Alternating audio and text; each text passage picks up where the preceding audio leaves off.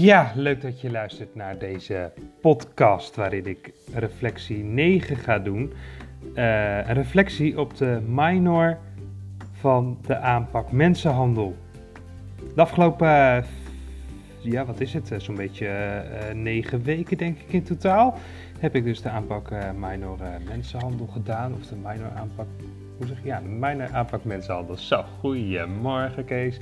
Nee, en um, ja, ik moet eerlijk zeggen, uh, ik heb hier wel van genoten hoor. Het was echt uh, voor mij sowieso een hele tijd geleden dat ik, dat ik iets aan studie gedaan had.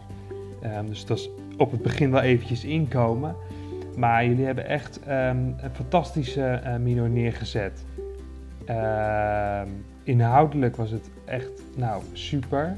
Um, zo hier en daar had er van mij, maar goed, ja, weet je, ik ben, ik ben een, een lezer. Uh, had er op zich wat meer achtergrondinformatie ingemogen. Uh, tegelijkertijd was juist ook die afwisseling met uh, alle video's en, en, en, andere dingen was, was echt super. Dus dat hebben jullie echt goed gedaan. Um, vooral zeg maar, ik vind wel soms de verhouding was wel een beetje, als ik er toch even een, een puntje tussendoor van kritiek mag hebben. Uh, het gaat heel veel over uh, seksuele uitbuiting, prostitutie. Ehm, en wat minder over de andere vormen van mensenhandel, terwijl die er zeker ook zijn. Hè. wij hebben er daarom bijvoorbeeld zelf voor gekozen ons groepje ja, ik was het in eerste instantie niet helemaal zo mee eens. Ik zeg, oei, moeten we dat wel doen? Maar goed, de rest wilde het heel graag, dus ik ging natuurlijk graag in mee. Uh, orgaanhandel gedaan. Dat is, het is natuurlijk ook een thema wat ook gewoon veel minder bekend is, dus dat is ook wel logisch. Uh, maar als je bijvoorbeeld ook kijkt naar, naar arbeidsuitbuiting, uh, gedwongen bedelen en de, de, criminaliteit, ja, dat is iets wat we volgens mij in Nederland juist ook wel heel veel tegenkomen. Hè? Dus de, zeker prostitutie en seksuele uitbuiting het meeste, maar tegelijkertijd uh, die andere, nou ja, dat, dat, dat vergeten we nog wel eens.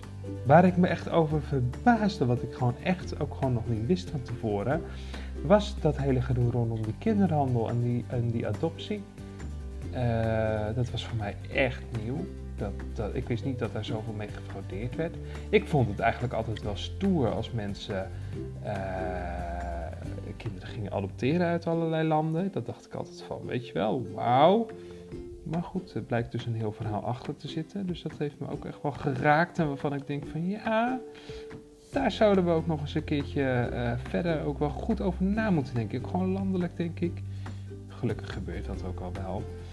Nou, prachtig. Um, migratie, mensenhandel. Uh, heel actueel natuurlijk ook. En dat hebben jullie wat, dat, wat mij betreft ook echt goed neergezet. Waar ik nog wel uh, aan zat te denken is dat dat college, zeg maar, uh, politiek, uh, recht, cultuur en religie. En later ook die van media en, en hulpverlening, ethiek. Dat zijn dingen ehm, daar zit dan, dan weer toch weer op de een of andere manier wat minder achtergrondinformatie bij. En daar had ik soms ook wel een beetje het idee van, nou, er mag wel iets meer als veronderstelde kennis. Uh, ja, uh, uh, geacht worden. Ja, misschien komt dat ook wel gewoon omdat ik zelf politiek actief ben. En daar dus gewoon echt al wel, nou ja, bijna alles wat langskwam in die colleges, zeg maar, dat wist ik allemaal zo'n beetje wel. Dus dat was echt, ja. Verder, ja, um, uh, bij het tentamen. Uh, wat mij heel erg aansprak aan het tentamen, laat maar zeggen, was, was dat het echt wel gewoon heel veel uh, ook op inzicht was. Hè? Dus uh, ja, de kennis heb je, maar wat doe je er vervolgens mee? En hoe ga je dat vervolgens uh, op een goede manier neerzetten en beredeneren? Dus daar ging het tentamen heel erg over, dat was echt goed. Er zaten ook een aantal vragen bij, ja, die gingen dus juist over casussen die langsgekomen waren. En ja, bij mij in mijn hoofd werkt het wel een beetje zo. Een casus is een voorbeeld. En weet je, dat gaat het ene oor in en het andere oor uit. En uh, ik filter daaruit, zeg maar, wat dan belangrijk is om te onthouden aan theoretische kennis. Ja, en als je mij dan gaat vragen uh, wat er in uh, Nijkerk gebeurd is bij een of ander Jezuscentrum. Ja, geen flauw idee. En ik weet ook echt niet meer wat er nou precies de aanleiding was, uh, was waarschijnlijk, denk ik, als ik die vraag goed heb, een of andere Russische vrouw die toen ontvoerd was of zo. En daardoor ging hier een balletje rollen en gebeurde er van alles in de Europese sferen. Nou ja, kijk, de uitkomsten daarvan, die weet ik dan wel weer. Maar wat dan precies ook alweer die aanleiding was, ja, weet je, dat, uh, dat, dat, dat boeit mij wat minder. Neem ik dan ook wat minder mee. Ehm... Nou, zo hebben we in ieder geval al een tijdje gekletst. Uh, of ik dus anders ben gaan denken over het thema mensenhandel. Ja, zeker. Uh, de urgentie is voor mij een heel stuk helderder geworden. Um, voor mij is ook duidelijker geworden welke impact het heeft op de uh, slachtoffers en wat er verder gebeurt. En ja, als we even nog gewoon ehm, teruggaan naar hoe ik voor deze minor erin kwam en nu dan denk ik wel zeker dat daar uh, een heel verschil in is. En dat ik toch echt nou, enorm veel heb geleerd en gewoon veel beter uh, weet, zeg maar ook, wat hier uh, mee gebeurd is. Wat de minor persoonlijk met mij heeft gedaan, daar gaan we verder over. Momentje hoor, momentje.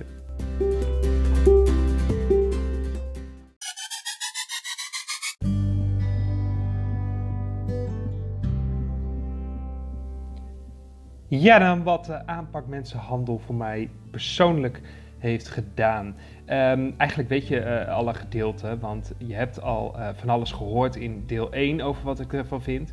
Um, maar deel 2 wil ik jou ook even uh, update geven over de schriftelijke vragen over mensenhandel die ik namens onze ChristenUnie-fractie heb gegeven of gesteld aan het college. Want nou ja, wij hadden er al even, even mailcontact over en uh, ook persoonlijk over gesproken. Ik schrok eigenlijk zeg maar, van uh, nou, een aantal dingen zeg maar, in, in, in, in de minor. En, of tenminste schrokken, schrikken, maar ik kwam daar een aantal dingen tegen van ik dacht van, oh, volgens mij dat in Almere helemaal nog niet geregeld. En ik had zo hier en daar al eens wat gepolst en ik was er ook al wel eerder al wel mee bezig geweest. En ik kwam eigenlijk geen steek verder. Um, totdat ik op een gegeven moment uh, uh, nu, voor mijn gevoel, zoveel meer wist over dit thema. Dat ik gewoon veel gerichtere vragen kon stellen. Dat ik gewoon veel gerichter um, uh, wist van wat er zou moeten gebeuren. Waar je zou kunnen melden bijvoorbeeld. Um, welke signalen je zou kunnen oppakken. Wat je als gemeente zou kunnen doen. En ik ben er eens verder ingedoken. en toen bleek dat er op zich wel hele mooie plannen lagen. Er was een intentieverklaring uitgesproken aantal A4'tjes vol tekst. En dat was getekend door allerlei ketenpartners en de gemeente zelf. En daarin was onder andere geschreven dat men um, ons, dat is geschreven in begin 2018, uh, of nee, niet begin 2018, halverwege 2018, na de zomer, ja. En um, ze zouden begin 2019 zouden ze starten en dan zouden ze ons in het derde kwartaal van 2019 uh, zouden ze de raad consulteren over uh, de vorderingen die gemaakt zijn en een eerste reflectie geven. Nou, de grap is, of dat is natuurlijk helemaal geen grap, maar um, uh, dat is nog steeds niet gebeurd. Het derde kwartaal van 2019 is inmiddels al meer dan een jaar achter ons. En um, we hebben nog steeds niks gehoord. En tussendoor is er eigenlijk vrij weinig gebeurd. Ik proefde dat al een beetje in het telefonisch interview wat ik had met Comentia dat ze daar eigenlijk uh, nog maar heel weinig uh, signalen uit Almere hadden en nog maar weinig uh, wisten van wat er gebeurde. Ik heb, um, ja, hoeveel vragen had ik ook alweer? Volgens mij oh ja, 17 schriftelijke vragen opgesteld. Dat is best wel veel. want normaal gesproken dan doe je twee of drie schriftelijke vragen, weet je wel. Maar ik had er 17. En ehm, het duurde maar en het duurde maar en ik zou eerst binnen een week antwoord krijgen en dat kreeg ik niet. En toen een week later, toen ben ik nog maar weer eens gaan vragen aan de bel gaan trekken van joh, waar bleven die antwoorden? En toen bleek dat het een beetje uh, was blijven steken ergens op stadhuis. De wethouder wist het ook niet precies, dus die bestuursadviseur van de wethouder is er uh, op gaan zitten en uh, die kreeg uiteindelijk binnen twee dagen toen wel antwoorden. En van die antwoorden, nou daar ben ik dus echt gigantisch van geschrokken. En gelukkig is de wethouder er ook van geschrokken. Want de wethouder die, uh, nou, ja, die, die, die, die is wat dat betreft wel blij dat ik hier bovenop ben gaan zitten. Want die wist niet dat het eigenlijk zo op zijn gat lag. Ehm, van die 17 vragen zijn er eigenlijk maar een paar vragen beantwoord. En uh, bij bijna alle vragen wijzen ze eigenlijk terug naar vraag 3. Dan zeggen ze, uh, zie de beantwoording van vraag 3. En wat is het antwoord op vraag 3? Eh, vraag 3 zelf. Dat is van, uh, acht het college het haalbaar om met een sluitende aanpak en een gedegen beleid te komen voor 2022. Dat was het streven namelijk. En dan is het antwoord voor het zicht op de aard en de omvang, zie beantwoording van vraag 2. Nee, daar gaan ze terugwijzen naar vraag 2. En daar staat eigenlijk dat ze nog niet zo'n heel goed beeld hebben over de, aan, over de aard en de omvang van mensenhandel in Almere en Flevoland. Uh, dat ze het gewoon eigenlijk nog niet zo goed weten. Um, met het oog op besluitende aanpak binnen Almere is in september 2019 een wisseling van de wacht geweest van wethouders die het onderwerp mensenhandel in hun portefeuille hadden. Uh, hierdoor, is de enige, hierdoor is enige vertraging opgetreden. Desalniettemin zijn er wel stappen vooruit gezet. Het basisniveau bestuurlijke aanpak gaat uit van drie pijlers: actieve signalering van mensenhandel, aanstelling van een aandachtsfunctionaris mensenhandel en gemeentelijk beleid en lokale regelgeving dat de aanpak van mensenhandel ondersteunt. Nou, wat hebben ze dan precies gedaan? Um, eigenlijk alleen de organisatie Fairwork aangetrokken, die in 2019 en begin 2020 uitvoerende medewerkers van de gemeente Almere heeft getraind om mensenhandel uh, tijdig te signaleren en opvolging te geven aan de signalen. Maar geven ze ook wel aan, het is wel wenselijk om deze training regelmatig te herhalen. Daarnaast is er een aandachtsfunctionaris mensenhandel aangesteld die nauwe contacten, contacten onderhoudt met de zorgcoördinator mensenhandel. Dus op het stadhuis zit een aandachtsfunctionaris en daarnaast is er een zorgcoördinator die het meer het geheel uh, van alle ketenpartners coördineert. Nou, met het oog op het beleid van, uh, is ook een prostitutienota geschreven en het overige beleid en regelgeving dient nog ontwikkeld te worden. Dus eigenlijk komt het erop neer, de eerste voorlopige stapjes zijn gezet, maar je kan je afvragen of ze daar nou echt ook twee jaar voor nodig hadden. En ze gooien dus eigenlijk alles op, want in de vervolgvragen die ik dan vervolgens uh, stel wat wat dieper op de materie ingaat, wijzen ze elke keer terug. Nee, dat, dat hebben we nog niet. Uh, zie vraag 3. Zie vraag 3. En die vraag, de, de, het argument van. Ja, er is een wisseling van de wacht geweest in de wethouders die het onderwerp mensenhandel in de portefeuille hadden. En daardoor is het allemaal een beetje gestokt. Ja, dat is natuurlijk echt heel bizar. Want ik bedoel, ambtenaren hoeven niet op een luie gat te gaan zitten. Uh, als, uh, als de wethouder even wisselt. Ik bedoel, ja, we hebben een politieke crisis gehad, maar dat betekent niet dat iedereen dus maar moet gaan zitten wachten totdat dat eens een keer opgelost is en er een nieuwe wethouder zit. Want ze kunnen gewoon door. Um, dus nou, daar ben ik best wel van geschrokken. De wethouder is er ook erg van geschrokken. Wij hebben, we hadden eigenlijk vanmiddag een gesprek staan. Um, maar goed, zoals dat gaat in de politiek, wordt het toch wel eens een keertje uitgesteld. En uh, nu heb ik morgen dat gesprek.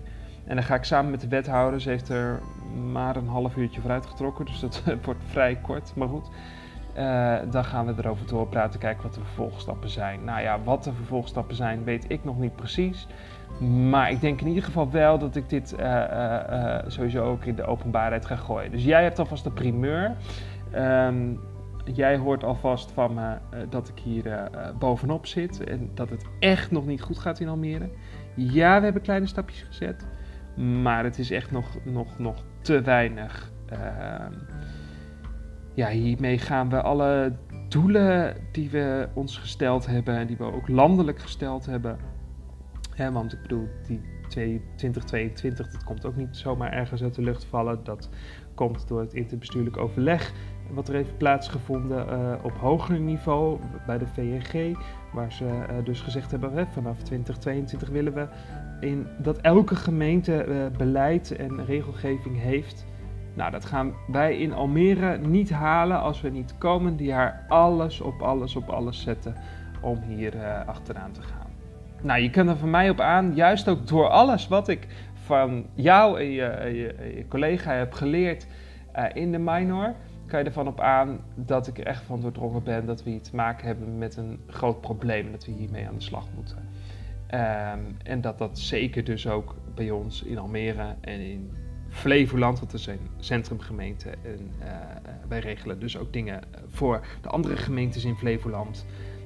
Um, nou ja, daar kan ik me zo voorstellen. Er zit ook veel landbouw, veel tuinbouw. Dus ik, ik kan me ook voorstellen dat daar ook juist heel veel sprake is van arbeidsuitbuiting en andere dingen. Nou ja, Almere zit natuurlijk ook tegen Amsterdam aan. Eh, dus er zullen ook een hoop prostituees die misschien in Amsterdam werken, in Almere wonen. Eh, daarnaast is er sowieso veel illegale prostitutie ook in Almere. Ik heb ook contact gehad, eh, regelmatig ook met de werkers van uh, Scharlaken Koord, die zich daar ehm, eh, erg druk over maken. En eh, die ook gewoon tegen van allerlei barrières oplopen in de uitvoering. Kortom, je kan ervan op aan dat ik hier eh, steeds meer bovenop ga zitten. En nou ja, daarin mag je jezelf ook best wel een compliment geven. Dat hebben jullie ook aan jullie zelf te danken. Want ehm, nou, door jullie ben ik echt wel ook geïnspireerd om hiermee door te gaan. Ik hoop dat je deze eh, bijna 20 minuten inmiddels, denk ik, geluisterd hebt. En eh, ehm, nou ja, ik hoop dat je gewoon eh, vooral begrijpt dat ik gewoon nog steeds erg enthousiast ben. In ieder geval, ehm, super bedankt voor alles wat jullie in de afgelopen tijd gedaan hebben. Super bedankt ook voor het meelezen met die schriftelijke vragen. Eh, dat, dat is zeker gewaardeerd. En ehm, eh, daarin, nou ja, heb ik ook weer gewoon iets moois kunnen doen, hopelijk, op dit thema. Super bedankt. En ik wens jullie heel veel succes. Er zal waarschijnlijk, eh, denk ik, zomaar eh, binnenkort wel weer een nieuwe minor en zo starten. En alle andere werkzaamheden. Dus ik eh, nou, wens jullie veel succes ook bij de doorontwikkeling van dit mooie lesprogramma. En ehm, ja, sterkte. Alvast een hele goede kerst ook. Hey, de groeten. Hoi hoi. Jerusalema ilondoloze uhambe nami zungangishilana dawo yami